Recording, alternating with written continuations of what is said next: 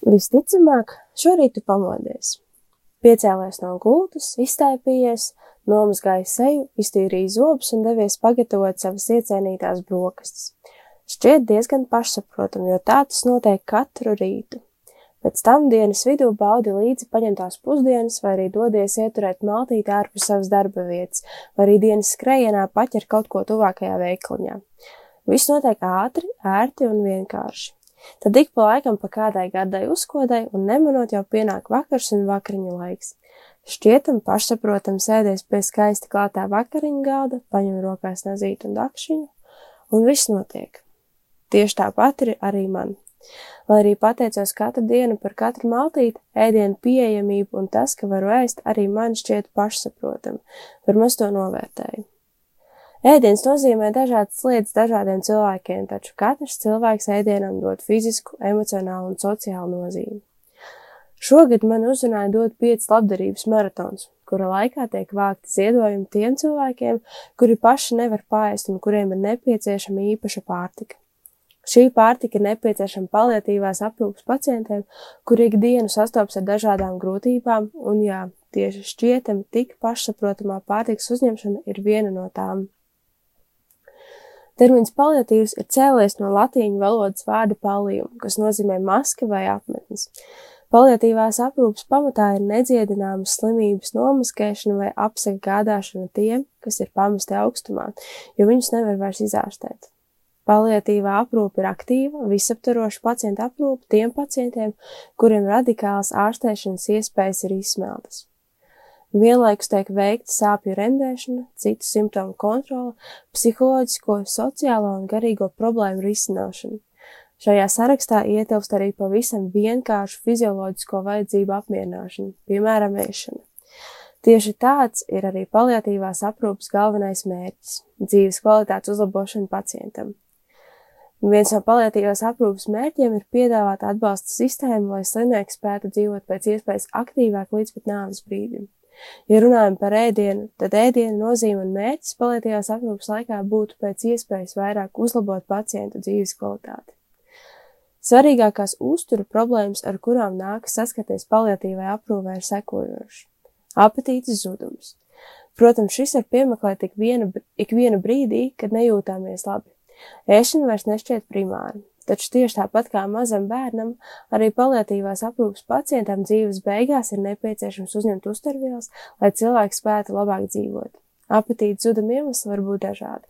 Nereti tā var būt arī depresija un trauksme, kas ir kā sekas kādai slimībai. Tieši tāpat apetīti var ietekmēt dažādi medikamenti. Svara zudums, kas jau ir kā sekas apetītes zudumam un nepietiekamam uzturam. Ķermenim ir nepieciešama enerģija, lai tas spētu vēl cīnīties, taču svara zudums vēl vairāk novājina organismu. Protams, ir arī dažādas slimības, kuras veicina svara zudumu. Uzņemot pietiekamu uzturu, iespējams samazināt vājumu un nogurumu, kas jau palīdzētu justies kaut mazliet labāk, kā arī mazināt kādus simptomus, kas rodas dzīves beigās. Kā arī dažādi citi iemesli, kuri rada grūtības pārēst sausu mutu, sāpes mutē vai kaklā, garšas izjūtas zudums vai izmaiņas, rīšanas problēmas, nelaba dūša, vemšana un citas. Paliatīvai aprūpē uzturs ir maza, bet ļoti nozīmīga un svarīga daļa. Lai arī cilvēks ir nedziedināms slims, ar uzturu palīdzību ir iespējams palīdzēt pacientam un uzlabot cilvēka dzīvi šādos veidos, dodot spēku. Katram cilvēkam ir tiesības aiziet ar cieņu, nejūtot badu, Arī līdzcilvēkiem šī ir iespēja parādīt savus rūpes un mīlestību.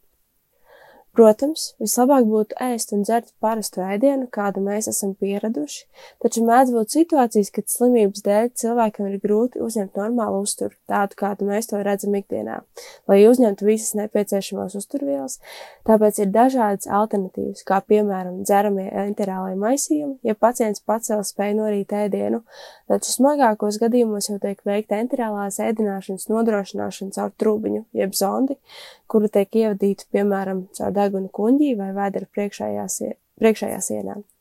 Zonas lokalizācija var būt dažāda, atkarībā no tā, ar kādām problēmām saskars pacients un cik ilgstoši ir barošana. Šādā veidā pacientam tiek nodrošināts nepieciešamās uzturvielas arī tādā gadījumā, ja viņš pats nespēja pāriest.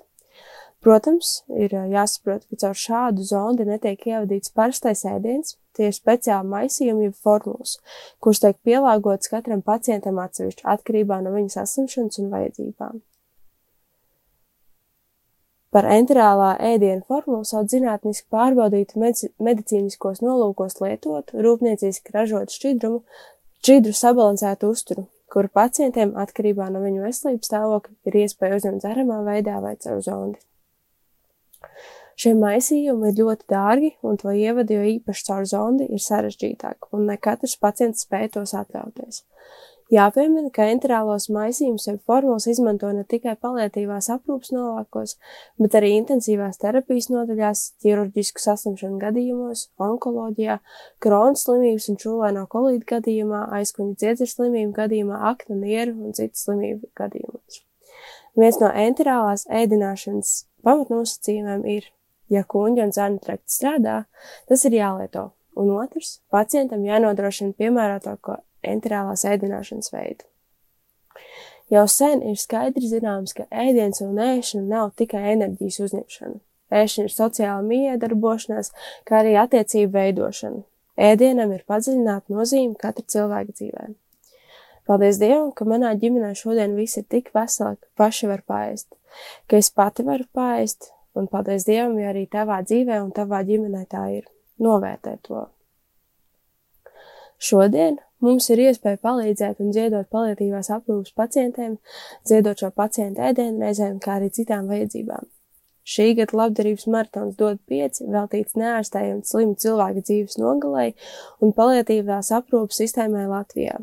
Tava 5 eiro ir viens šķidrās pārtiks ēdienais cilvēkiem, kuri paši vairs paēst nevar. Dzīves beigās rūpes ir tikpat svarīgas kā sākumā. Katrs pa mazam solītim, kopā mēs varam daudz. Šī ir iespēja mums parādīt savu mīlestību cilvēkiem.